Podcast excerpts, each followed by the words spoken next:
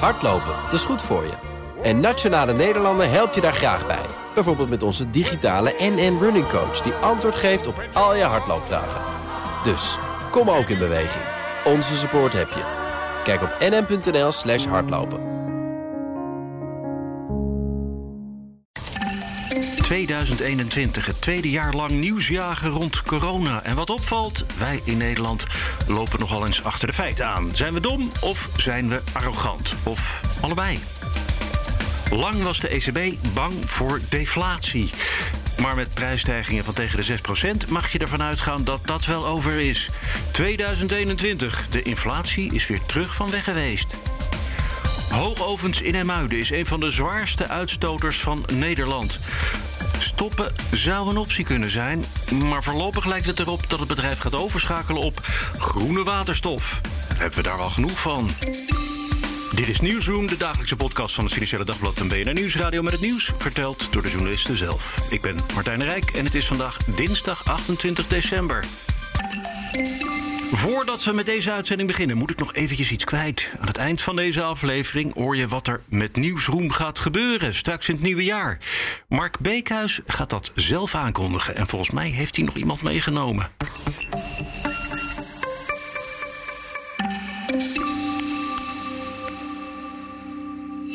Laat ik eerst even vertellen dat wij hier in de studio een camera hebben hangen en dat we onszelf zien op een televisie die hier ook aan de muur hangt. Je ziet er beter uit dan je je voelt. Nou, ik vind eigenlijk, als ik zo naar mezelf kijk, denk ik zo. Ja, Nou. ik, ik wou net zeggen, ik, ik vind het meevallen. Ik ben nog wel een beetje moe, maar voor de Ja. rest van gaat het ook wel hoor. Ja. Gaat het wel? Nou ja, het is gewoon kut dat de hele, mijn hele vakantie is verziekt. eh, vooral Ja. voor mijn ouders is het heel kut. Ja.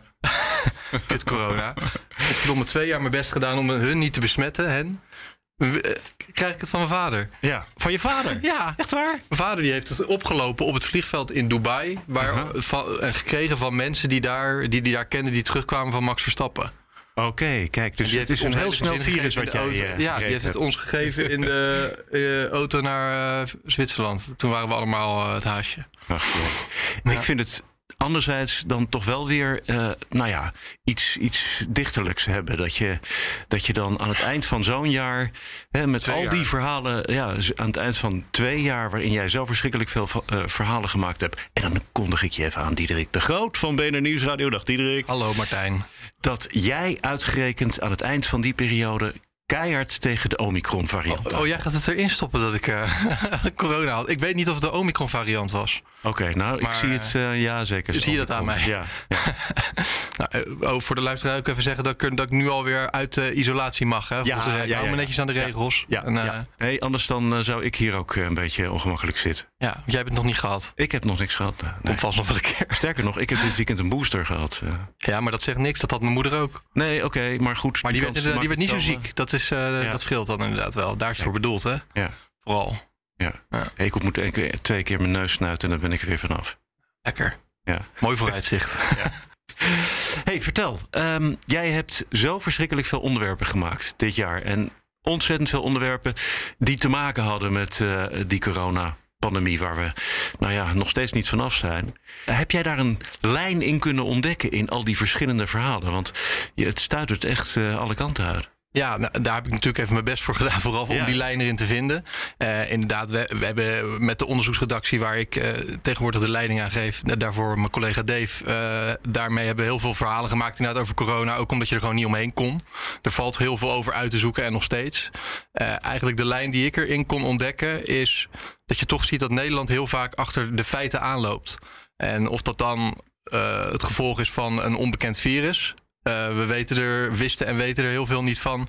Of dat we gewoon een beetje hier eh, arrogant en eh, ja, eigenwijs zijn.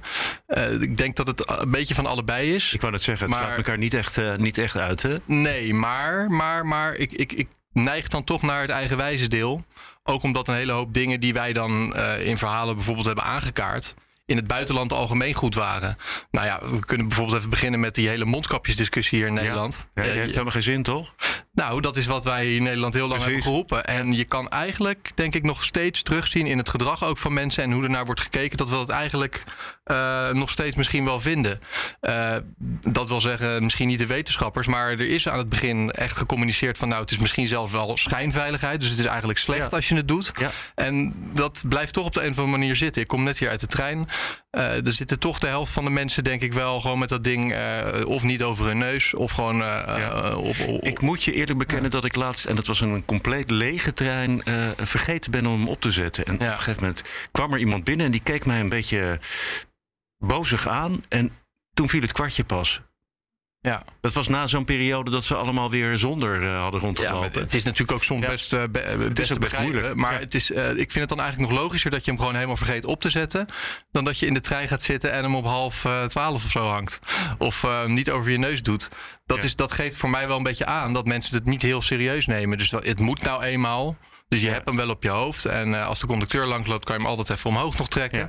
Maar geloven we echt dat het werkt? Ik denk toch dat het is blijven hangen vanaf het begin. Uh, dat er een beetje is gecommuniceerd dat, nou, we doen dat dan ook maar. De rest van de wereld doet het ook. Nou, dan wij ook maar. En dat is eigenlijk, kan je nog doortrekken naar bijvoorbeeld een verhaal wat we onlangs nog hebben gemaakt. Dat ging dan over die FFP2, die medische uh, kwaliteit mondkapjes. Die ze bijvoorbeeld in Duitsland gewoon. Die, die, koffiefilters, hè? Ja, zo zien ze er een beetje uit. Ja, en ja. in Duitsland moeten ook gewoon de normale mensen die bijvoorbeeld op.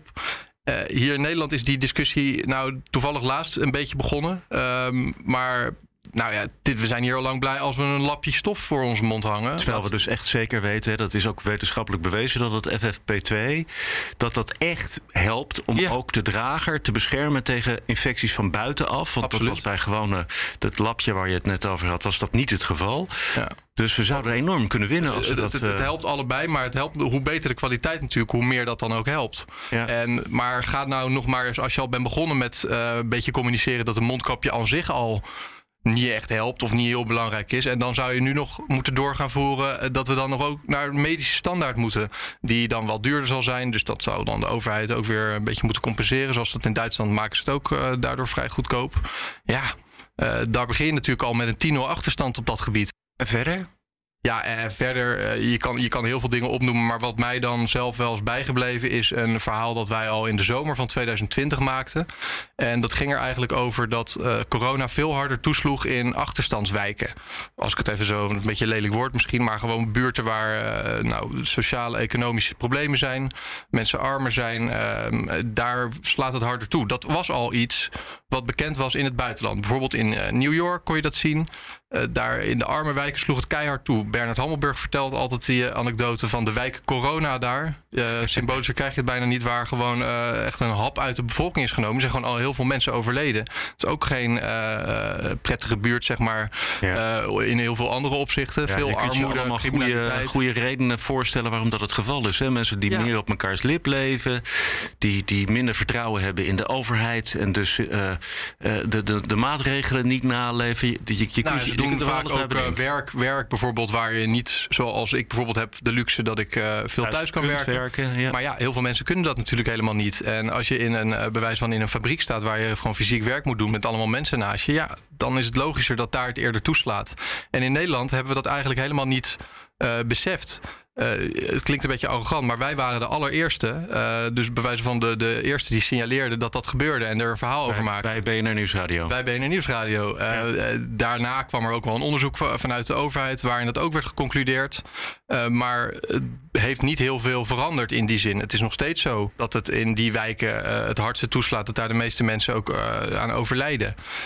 Um, in het buitenland hadden ze dat al geconcludeerd. En kon, kon je er dus ook wel wat meer op sturen. En je gaat het nooit helemaal verhelpen natuurlijk. Want de oorzaken die wij net noemden, die hou je niet in één keer weg. Ja. Dat zou lekker zijn als dat kon. Ja. Maar je kan er wel beleid op maken. En dat heeft hier toch wel vrij lang geduurd. En dat trok zich eigenlijk ook door in de vaccinatiecampagne. Want in diezelfde wijken zijn heel veel mensen ook moeilijk te bereiken.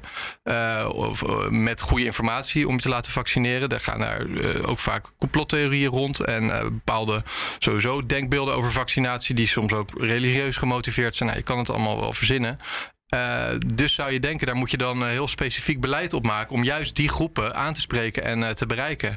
Dat zeiden de communicatiedeskundigen in dat geval die we toen spraken ook. Ja, je had hiermee moeten komen voordat, die hele, voordat de eerste prik was gezet. Ja. Dan moet je beginnen. Uh, maar nu heb je al uh, de complottheorieën de kans gegeven om zich te verspreiden in bepaalde gemeenschappen. Die gaan sneller dan het virus, hè? Ja. Die gaan sneller dan het virus. En uh, zie je dan nog maar eens in te lopen. Dat lukt natuurlijk wel mondjesmaat. Dus het lukt ook wel steeds beter. En het is niet voor niks dat de vaccinatiegraad op dit moment 86% is. terwijl, daar, terwijl er percentages van rond de 60% werden genoemd als vaccinatiebereidheid voordat we begonnen. Dus er is wel heel veel gewonnen. Maar je vraagt je natuurlijk dan af, wat zou het hebben. Wat zou het kunnen zijn geweest? Ja. Heel moeilijke zin dit. Maar, ja, nee, we hadden uh, misschien we... wel gewoon een, een, een kerst uh, kunnen hebben in een restaurant, om er eens wat te noemen. Nou, waarom niet? En uh, dat is overigens ook natuurlijk niet te zeggen dat uh, vaccinatie de heilige graal is. Want daar zijn we inmiddels ook wel achter dat dat misschien niet helemaal het geval is. Uh, nou ja, ook dat is weer, zijn het vaak weer van die zaken waarbij vooruitgekeken moet worden. En ook naar ervaringen in het buitenland. Want veel van deze dingen dat het niet 100% zou zijn, dat hebben we van begin af aan gehoord. Ja. Het zou voor ja. 90% beschermen. Maar ook, dat, ook hier kan ik weer teruggrijpen op een verhaal dat we daarover hebben gemaakt. Uh, epidemioloog Arnold Bosman spraken we daar destijds over, die horen we wel vaker. Die zei toen al: van, ga er nou niet van uit dat vaccinatie je uit alle ellende gaat redden. Want we weten inderdaad al vanaf het begin dat een vaccin biedt niet 100% bescherming tegen besmetting sowieso niet. Ook niet tegen ziekenhuisopname. Dus ja, als er maar genoeg mensen het virus krijgen, krijg je alsnog wel een overbelasting van de zorg. Dus moet je wel zo makkelijk zeggen van oké, met een vaccinatiebewijs uh, kan je alles weer gaan doen. Kan je gewoon een festival organiseren? Kan je gewoon de nachtclubs weer opengooien? Nou, we hebben gezien wat dat met het uh, debakel deze zomer ook is gebeurd met ja, de dansen met Jans. Ja, een dansen die ene nacht, ja. Ja, het heeft toch zeker 22 nachten geduurd. nee, nee, maar uh, dat zijn allemaal geen uh, zaken die je per se pas had hoeven concluderen op het moment dat het misging. Daar werd al voor gewaarschuwd. Daar werd in het buitenland ook over nagedacht, maar ook door experts hier, waaronder bijvoorbeeld Arnold Bosman, die dat toen al zeiden. Dus kan je dan spreken van, ja, het gaat mis omdat we gewoon heel weinig wisten van het virus, of is het ook gewoon een bepaalde eigen wijze misschien onderschatting. Ja, neig ik toch nogmaals wel naar dat laatste. Ja, de hoop dat het allemaal mee zal vallen. Hè? Dat hoop is ook een ding. Ja, dat is een heel gevaarlijk... Daar heeft onze minister natuurlijk vaak uh, last van gehad. Zeker in zijn communicatie. Dat er heel veel uh, ja. hoop werd uitgesproken. En Zelfs ook, uh, als hij slecht nieuws bracht, zei hij nog altijd van... nou, dan zien we dan wel dat de cijfers op de korte termijn de goede kant uitgaan. Ja. Maar het wordt toch wel een groot probleem. En dan denk ik van ja, joh, dan is de urgentie er alweer vanaf, als je het zo zegt. Nou ja, die urgentie is inderdaad, die, die, die werd er op heel veel manieren natuurlijk elke keer van afgetrokken met uh, nou, het mondkapje af en Vert gaat een liedje zingen. En, um, ja, ja, ja. Uh, daar stond ik naast trouwens. Daar stond jij naast? Ja, sorry. En wat, uh, wat dacht je toen op dat moment? We zijn er vanaf. Ik ben een, een metertje verderop gaan staan. Jij dacht niet van, uh, dit is inderdaad het mondkapje vaarwel... en uh, Vert Grapperhaus heeft hier gelijk met zijn liedje. Nee, dat dacht ik niet. Dus eigenlijk zijn wij dan uh, slimmer dan de minister. Ik denk het bijna wel, ja. ja. ja maar kijk, ja, het is natuurlijk in zekere zin... misschien levert het ook niet alles op... als je de hele crisis lang ministers hebt die aan het treuren zijn. je moet ook wel een beetje de mensen meenemen... en een perspectief schetsen van... nou, we gaan weer naar een normale situatie en hier doe je het voor. Maar je kan, denk ik, niet on, miskennen dat het in heel veel veel gevallen averechts heeft gewerkt.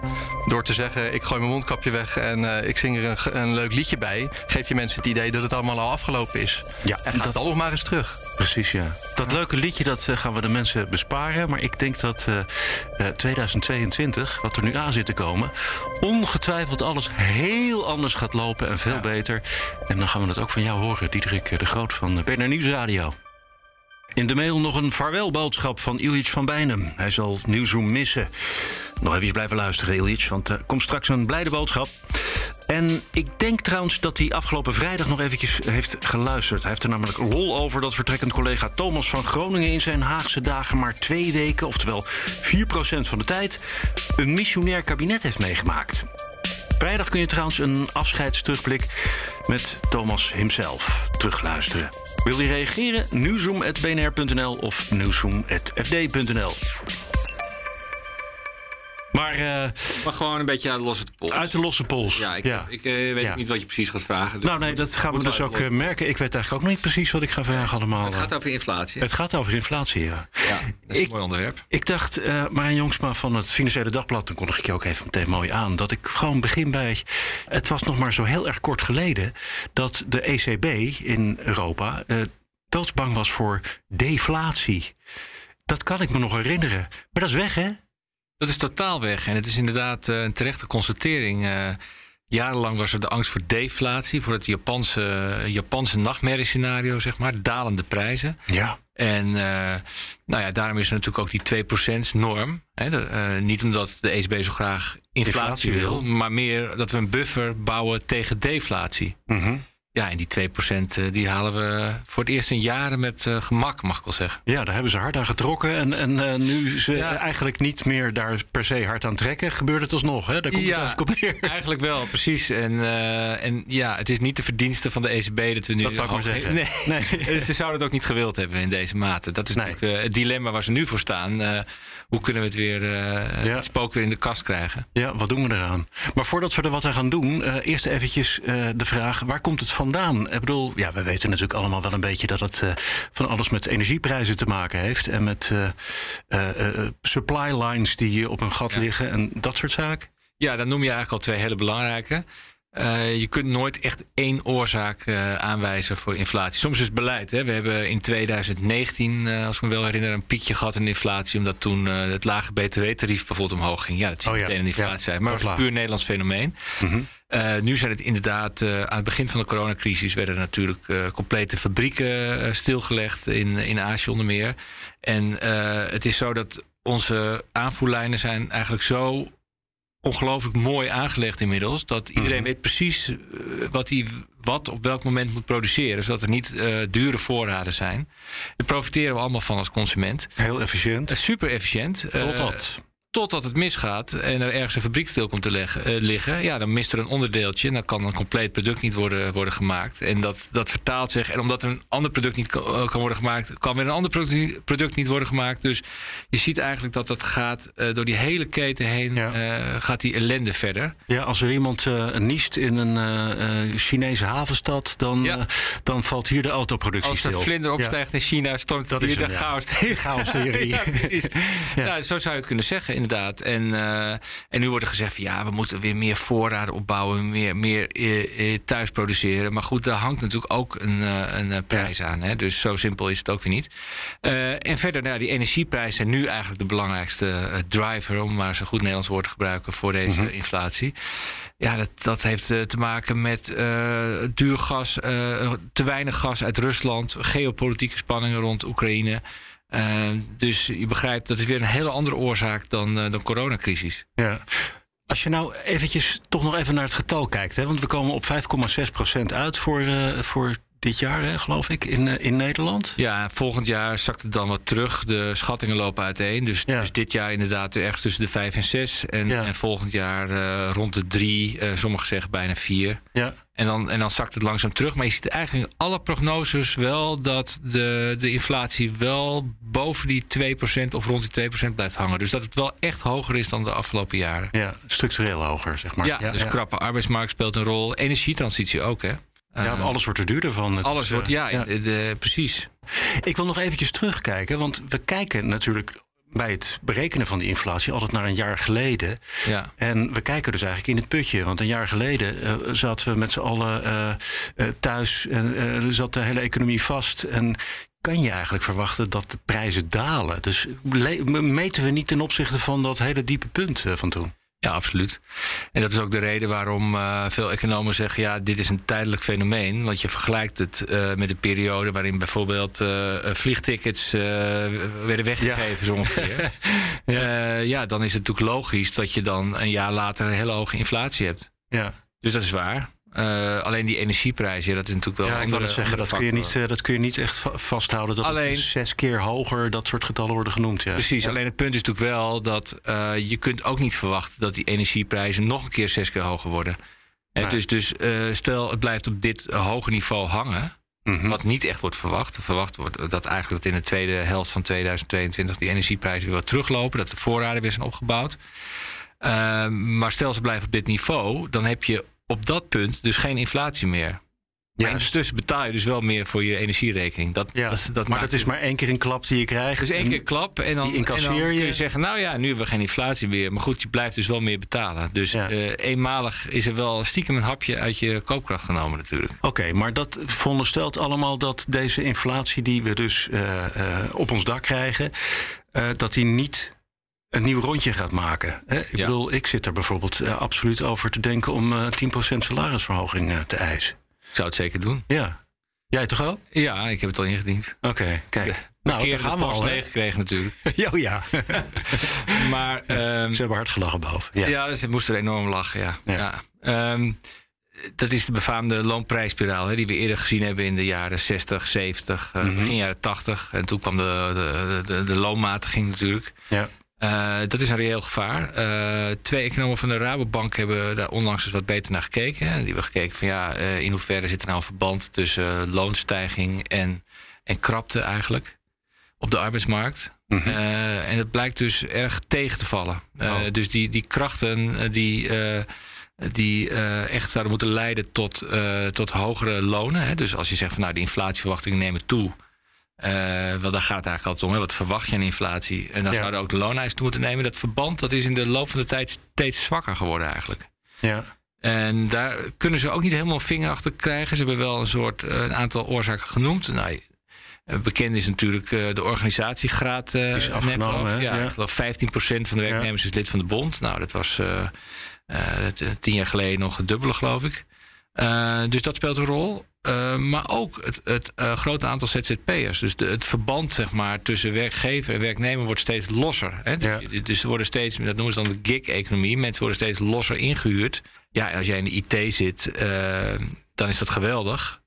Maar als je natuurlijk op een fietsje eh, pizza's moet rondbrengen, is dat minder vrij. Want dan eh, kun je ingeruild worden voor een ander. Beste jongen, we nemen wel iemand anders dan. Ja. Precies. Ja. Dus dat maakt de positie eh, wel degelijk zwakker. Dus je, je zou eigenlijk kunnen zeggen dat een deel van het, van het risico wordt ook verplaatst naar de werknemer op die manier. hè. Ja, ja, maar dat betekent dus dat die loonprijsspiraal nou niet zo erin zit, hè? Dat, nee, tenminste, dat is de verwachting. Je, Ja. je weet natuurlijk niet hoe het, hoe het gaat lopen. Hè? Ik denk wel dat, dat de lonen wat harder gaan stijgen. Alleen eh, gaan ze net zo hard stijgen als deze inflatie. Zijn- Is het genoeg om die inflatie goed te maken? Dat is maar de vraag. Eh, dat is natuurlijk ook interessant voor, het, eh, voor de nieuwe coalitie. Die, die voorspellen dan een lichte koopkrachtstijging. Maar het was allemaal nog gebaseerd op de inflatie van, van voor het akkoord. Dus ja, die, die berekeningen die kun je gevoeglijk in de prullenbak gooien natuurlijk. Nog een andere manier. normaal gesproken, als een, een centrale bank ziet dat er inflatie is en dat doet pijn, dan gooien ze de rente omhoog. Ja. Eh, dat is al beloofd dat dat niet ging gebeuren. Hè? Lagarde die heeft al gezegd van dat, dat doe ik niet, denk ik, zo in 2022. Nee, nee dit jaar, eh, volgend jaar sowieso niet. En Nee. het jaar erop misschien wel. Eh, volume van obligatie aankopen, hè, dat, waarmee de lange rente dan wordt gedrukt, dat gaat wel enigszins omlaag. Maar hoeveel weten we ook niet. nou ja, er blijft nog steeds een ruim beleid bestaan, laten we het zo formuleren. Dus wat jij net zegt, dat echt op- de rem trappen, dat gebeurt dus niet. Nee. Je, je zou hoogstens kunnen zeggen dat de voet ietsje van het eh, gaspedaal afgaat. Ehm, en het, het mantra van de ECB is eigenlijk... eh, ja, die, deze inflatie is, is tijdelijk, waar we het net over hadden. Je, je, Ja, je vergelijkt gaat zo- met gaat de verkeerde periode. Het kan niet zo door blijven gaan, dus dat zakt weer terug. Ehm, ja, en, en, en daarom eh, doen, ze het, eh, doen ze het heel rustig aan. Maar ze hebben natuurlijk ook een, een, eh, een extra probleem... wat nooit zo hard op wordt gezegd. Maar eh, kijk, als je de, de rente verhoogt... ehm, dan betekent dat ook dat allerlei ehm, landen met enorme schulden... eh, ineens meer daarover eh, moeten gaan betalen. Eh, Nederland kan dat best aan... Maar landen als Italië, Spanje, ja, die hebben hun staatsschuld behoorlijk zien oplopen. Bedoel, er wordt nu wel gezegd, oh, Nederland uh, geeft heel veel uit en het is gedaan met de begrotingsdiscipline. Maar we zitten nog op zulke prachtige cijfers. Ja, dat 60 dat, procent. ja, precies, daar zitten we dik onder en dan komen we misschien net een beetje boven. Ja, nou, ja. En precies. En dat is dan, Ja. dat is dan zeggen van ja, je moet je eigenlijk niet overheen, hè, de Nederlandse bank. Want dat is nou eenmaal eh, het, eh, het stabiliteitspact. Niet buiten de lijntjes kleuren. Maar ja, dat is natuurlijk eh, dat is bijna lachwekkend als je kijkt naar de rest van Europa. Er zijn maar weinig landen die überhaupt aan die norm voldoen. Eh, en er wordt nagedacht over nieuwe normen. Nou, die 60% die, die gaat niet terugkomen, lijkt mij. Want dat zou betekenen dat je een mega bezuiniging in heel Europa moet doorvoeren om daarop uit te komen. Ja. En dat drukt dermate op, uh, op het nationaal inkomen dat die quote ook nog omhoog gaat, ironisch genoeg. Dus dat, dat schiet ook niet op natuurlijk. Kortom, alles bij elkaar optellend. De inflatie, die is terug van weg geweest. Ja. Maar dat is niet wat we vroeger uh, uh, over ons heen hebben zien gebeuren, uh, zien komen. Uh, stagflatie en stagnatie met inflatie en ja. alle ellende van dien, hè, want dat is het angstbeeld. Zeker, dat is het slechtste scenario. Want ja. als de economie stagneert, dan, dan kun je prijs ook niet doorberekenen. Het is natuurlijk ook zo trouwens dat je kunt die rente wel verhogen, maar daar, daarmee help je natuurlijk die energieprijs niet omlaag. Hè. Dat is nog een extra factor waarom een renteverhoging geen uh, een wondermiddel is tegen deze inflatie. Als Europa zijn we energieimporteur. Wat wij eigenlijk doen is gewoon heel veel geld brengen naar de landen die olie en gas exporteren. Ja. Vroeger waren we zelf ook een soort uh, sheik aan de Noordzee, maar die, die tijd ligt achter ons. Ja, jammer. Ja, Weet je nog. Ja. Dankjewel Marijn Jongsma van het Financiële Dagblad. En welkom terug ook weer. Dank.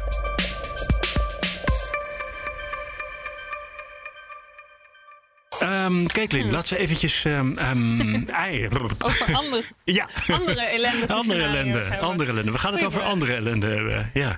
ja. Ik denk dat ik in augustus opeens een, eh, een, uh, je stuk zag in, uh, in het FD, uh, Caitlin Stoker. dat ging over Hi. Tata, over hoogovens in IJmuiden. En daar werd voor het eerst uh, een beetje het balletje opgelaten van misschien dat we er maar gewoon helemaal mee moeten stoppen met dat, uh, dat hele gebeuren. En als je zoiets leest, dan weet je gewoon, dit is existentieel. Hè? Dat, dit is echt belangrijk wat er aan het uh, gebeuren is. nou ja, als je een stapje terug doet, het, het stuk in augustus ging over ja, de toekomst van, van Tata Steel in IJmuiden. zou twee weken later in, in Den Haag um, op de politieke agenda staan. Van goh, uh, mm-hmm. nou, hoe gaat de toekomst van die fabriek eruit zien? En daar stonden eigenlijk twee scenario's op, op de agenda. Um, mm-hmm. En het ging dan vooral over het verduurzamen van de fabriek. Dus uh, nou ja, Tata Steel is de grootste uitstoter van CO2 in Nederland. En dan ging het eigenlijk over wat gaan we met die CO2 doen. Dus gaan we in leeggepompte gasvelden onder de Noordzee opslaan? Of gaan we dat, uh, nou ja, um, uh, gaan we uh, groen staal produceren met waterstof. Met waterstof, zoals, ja. Ja, zoals vakbond uh, FNV um, een paar maanden daarvoor had geopperd. En nou ja, ik schrijf over, over industrie, dus dan volg je Tata Steel al snel en je spreekt heel veel mensen uit het veld. En ik dacht, ja, er, er zijn zoveel meer scenario's mogelijk dan enkel deze twee um, deze twee opties. En op het moment dat je het in Den Haag over zo'n groot thema hebt, wat is de toekomst van deze staalfabriek, van deze vervuilende staalfabriek, overlast voor de omwonenden, hoe kan het dat er dan maar dat, dat enkel die twee opties op de agenda staan? Je moet toch tenminste eerst nog eens een keertje nadenken over. Is het allemaal bij elkaar überhaupt wel zo'n goed idee om hier uh, mee door te gaan? Ja, en zeker in het geval van zo'n um, productie met waterstof. Dat vraagt gewoon om hele, hele nieuwe fabrieken. Het is niet dat je de kolen opzij schuift en denkt: oké, we gooien er waterstof bij en het komt goed. Het gaat gewoon om de bouw van een nou ja, compleet nieuwe, uh, nieuwe fabriek. Ja. Um, toen dacht ik, ja, volgens mij zijn er veel meer opties denkbaar dan deze twee. Waarom hebben we het daar niet over? En dat was de vraag die ik wilde opwerpen met het mhm. artikel. Of nee, die ik heb opgewerpt met het artikel. Daarvan is sluiting ook een, ook een scenario. We hebben de uh, vraag opgeworpen van liggen alle opties op tafel? Of zou Den Haag breder moeten kijken? En in die weken na aanloop um, van, dat, van dat debat in Den Haag, er waren twee debatten gepland, kwam er ook nog een onderzoek uit van het RIVM, waarbij uh, nou ja, blijkt dat de uitstoot van de fabriek ook gezondheidsschade um, of mogelijke gezondheidsschade bleven bij kinderen. Dus je merkte dat daarna een soort draai ontstond. Waarin zelfs uh, de gedeputeerde van de provincie Noord-Holland zei... Nou, uh, uh, ik weet niet of er wel bestaansrecht is in de, voor zo'n fabriek in deze regio. en dat, dat heeft een, een, week of twee geduurd. En zelfs de, bij het eerste debat in Den Haag over, nou ja, over dit onderwerp... werd dat wel... Um, nou, werd er wel serieus over gesproken van waarom hebben we dit en uh, mm willen we dit. En, nou ja, een beetje groene industriepolitiek uh, ontbreekt en uh, wat willen we daarmee. En toen een week later zou een tweede debat plaatsvinden. en daarvoor kwam Tata, nou ja, een dag voor dat tweede debat kwam Tata naar buiten met de mededeling dat ze kiezen voor het, voor het plan om te gaan produceren met, met waterstof. vanaf 2030. Ehm, en en ja, toen uh, was de keuze gemaakt. Ja. ja. en dat is best wel iets enorms ook. Want uh, even overschakelen op waterstof. Uh, ik zag dat je daar nog ook meerdere interviews aan gewijd hebt. Dat is niet mm -hmm. even op maandagmiddag geregeld, toch? nee, dat is zeker niet op maandagmiddag geregeld. Zoals het er nu naar uitziet, wordt er gekeken naar 2030. Dus dat betekent uh, nou ja, nog uh, ruim acht jaar mm-hmm. voordat die, uh, die overschakeling bestaat. En er zijn heel veel mitsen en maren. Hè? Want nou ja, de techniek is nog niet. nou ja, in het lab kan het, maar op deze schaal wordt het nog niet toegepast. Er is de groene waterstof wordt gemaakt van hernieuwbare energie, of het is een energiedrager. Nou ja, dan heb je dus heel veel groene energie nodig om dat überhaupt te maken. Je, je moet die waterstof ergens opslaan. Je moet uh, simpele dingen zoals leidingen, die, die niet simpel zijn, maar in het, in het hele geheel dan de simpele dingen zouden moeten zijn. Mm-hmm. Vergunningen, nou ja, uh, uh, noem het maar op, maar de to-do-lijst is enorm voordat het zover is. Ja. En dan zijn er nog uh, miljarden euro's nodig aan investeringen. Ja, want is er ergens op de wereld een, een, een installatie die het al uh, kan, al is het dan misschien op een kleinere schaal? Uh, nou, er zijn een aantal producenten in Europa mee bezig. Um, in Duitsland is er, is, is er een fabriek en in Spanje willen ze dit doen. Ze zijn het verst in Zweden. Daar zit uh, SSAB in, uh, in het noorden van Zweden zit, zit, staat een uh, pilot plant, of een, een, eerste fabriek, waar er inmiddels ook staal geproduceerd is met waterstof en is, um, en is geleverd. Um, dus het gebeurt maar nog niet op deze schaal. Het gekke is, het, het, het, is dat we hebben eigenlijk juist door die vergroening die voor de deur staat, waar we echt mee aan de slag moeten, ontzettend veel staal nodig. Die, die, die uh, windmolens die worden niet van bakstenen gebouwd, zou ik maar zeggen. nee, klopt. dus het is ja, een beetje kip en het ei hè, op het moment. Uh, ja. Zeker. En er zijn ook wel partijen uh, van Urgenda tot, uh, tot de FNV die zeggen van ja, misschien zou, zou het terrein van Tata Steel meer een soort ja, ze noemen dat dan circulaire hub moeten worden. Waar je naast het maken van staal ook een producent van windmolens hebt. Die dan nou ja, met elkaar dat kunnen maken en de energietransitie mogelijk kunnen maken. Um, dus die ideeën zijn er wel, maar dat vraagt natuurlijk wel om, om een, een soort groene industriepolitiek. En dan krijg je weer het, het kip en, kip en ei uh, vraagstuk van ja, uh, wie gaat er dan als eerst bewegen? Gaat Tata Steel eerst bewegen? Moet Den Haag bewegen? Daar moeten we de komende jaren, gaan we daar ja. denk ik nog veel over horen. Eventjes voor de duidelijkheid, Hoogovens heeft dus gezegd, ja, Hoogovens of Tata, wat zeg ik eigenlijk? Het is natuurlijk het ja. Indiase, de Indiase moeder Tata. En het, ons, onze staalfabriek in IJmuiden heet Hoogovens. Mag ik hem Hoogovens noemen? Wat vind jij? Ja, hij heet officieel Tata Steel Nederland. Maar uh, ik, ik geloof dat iedereen het vooral uh, Hoogovens noemt. Ja, precies. Nou, we noemen het gewoon Hoogovens, want ze zijn van ons. Ja. Um, er lijkt wel een beslissing uh, op tafel te liggen om in principe die kant uit te gaan. Maar uh, dat gaat dus nog echt heel erg ingewikkeld worden. Er is nog niets definitiefs besloten, toch? Wat dat betreft is de keuze voor groen staal produceren met waterstof echt een intentieverklaring vanuit Tata Steel. Dus ze zeggen we willen dit gaan doen, maar zeggen daarbij wel gelijk van. Um, daar, dat kunnen we niet alleen. En dat, dat staat ook in een onderzoek uitgevoerd door Roland Berger naar de technische haalbaarheid.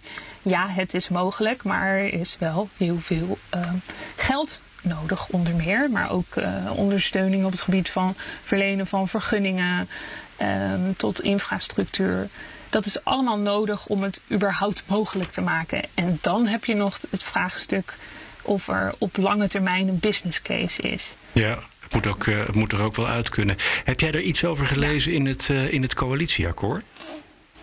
Um, nou ja, daar, daar staat wel uh, een bedrag um, genoemd voor um, het groene transitiefonds, zeg ik even uit mijn hoofd. En er staat nadrukkelijk dat er met grote vervuilende bedrijven in Nederland losse afspraken gemaakt gaan worden.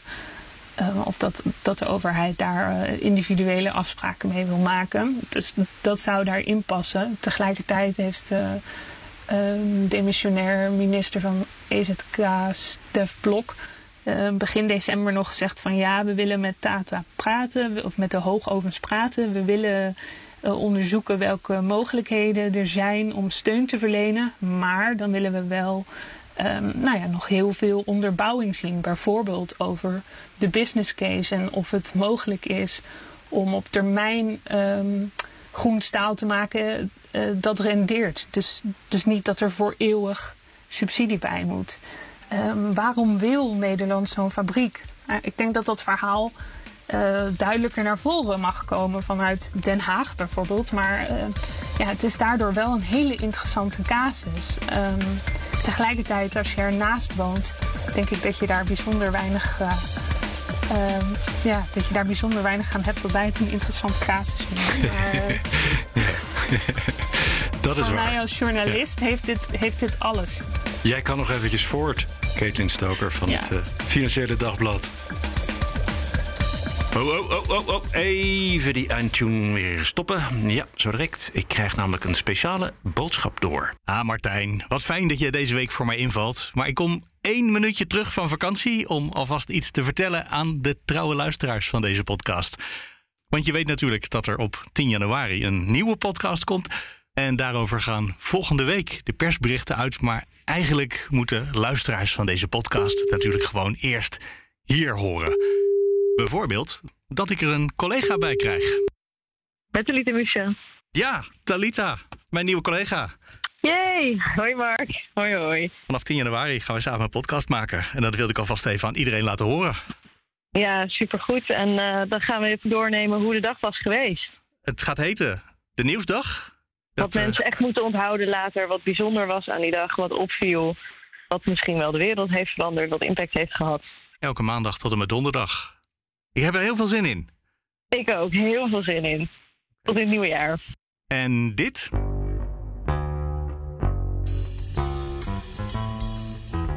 Over een paar weken, als je dit hoort, dan weet je dat je er even voor kan gaan zitten. Of juist een rondje met de hond gaan maken. Hij loopt nu al, of niet? Ja, de band loopt al. Dus dan moet ik hem nu even doen alsof jij belt. Ja, dus ik, uh, ik bel, bel, bel en dan... Met Anita. Klinkt het toch al gelijk ja. Oké, okay, nou doe maar nog een keer bel, bel, bel. Ja. Goed dat we heel hard moeten lachen. Dat gaan we in de podcast ook doen hoor. Ja, precies. Ja tot 10 januari bij de Nieuwsdag. En daar hoef je je niet nieuw voor te abonneren als je gewoon op Nieuwsroom geabonneerd blijft. Komt dat goed? Mark en Talita, succes. En ik heb er zin in om er naar te luisteren.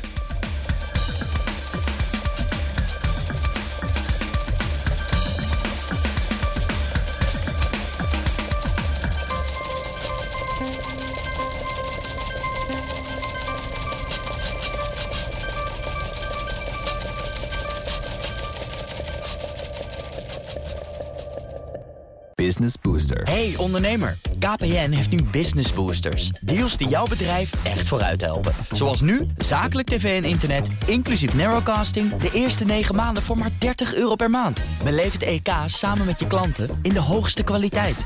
Kijk op kpn.com businessbooster. Business Booster.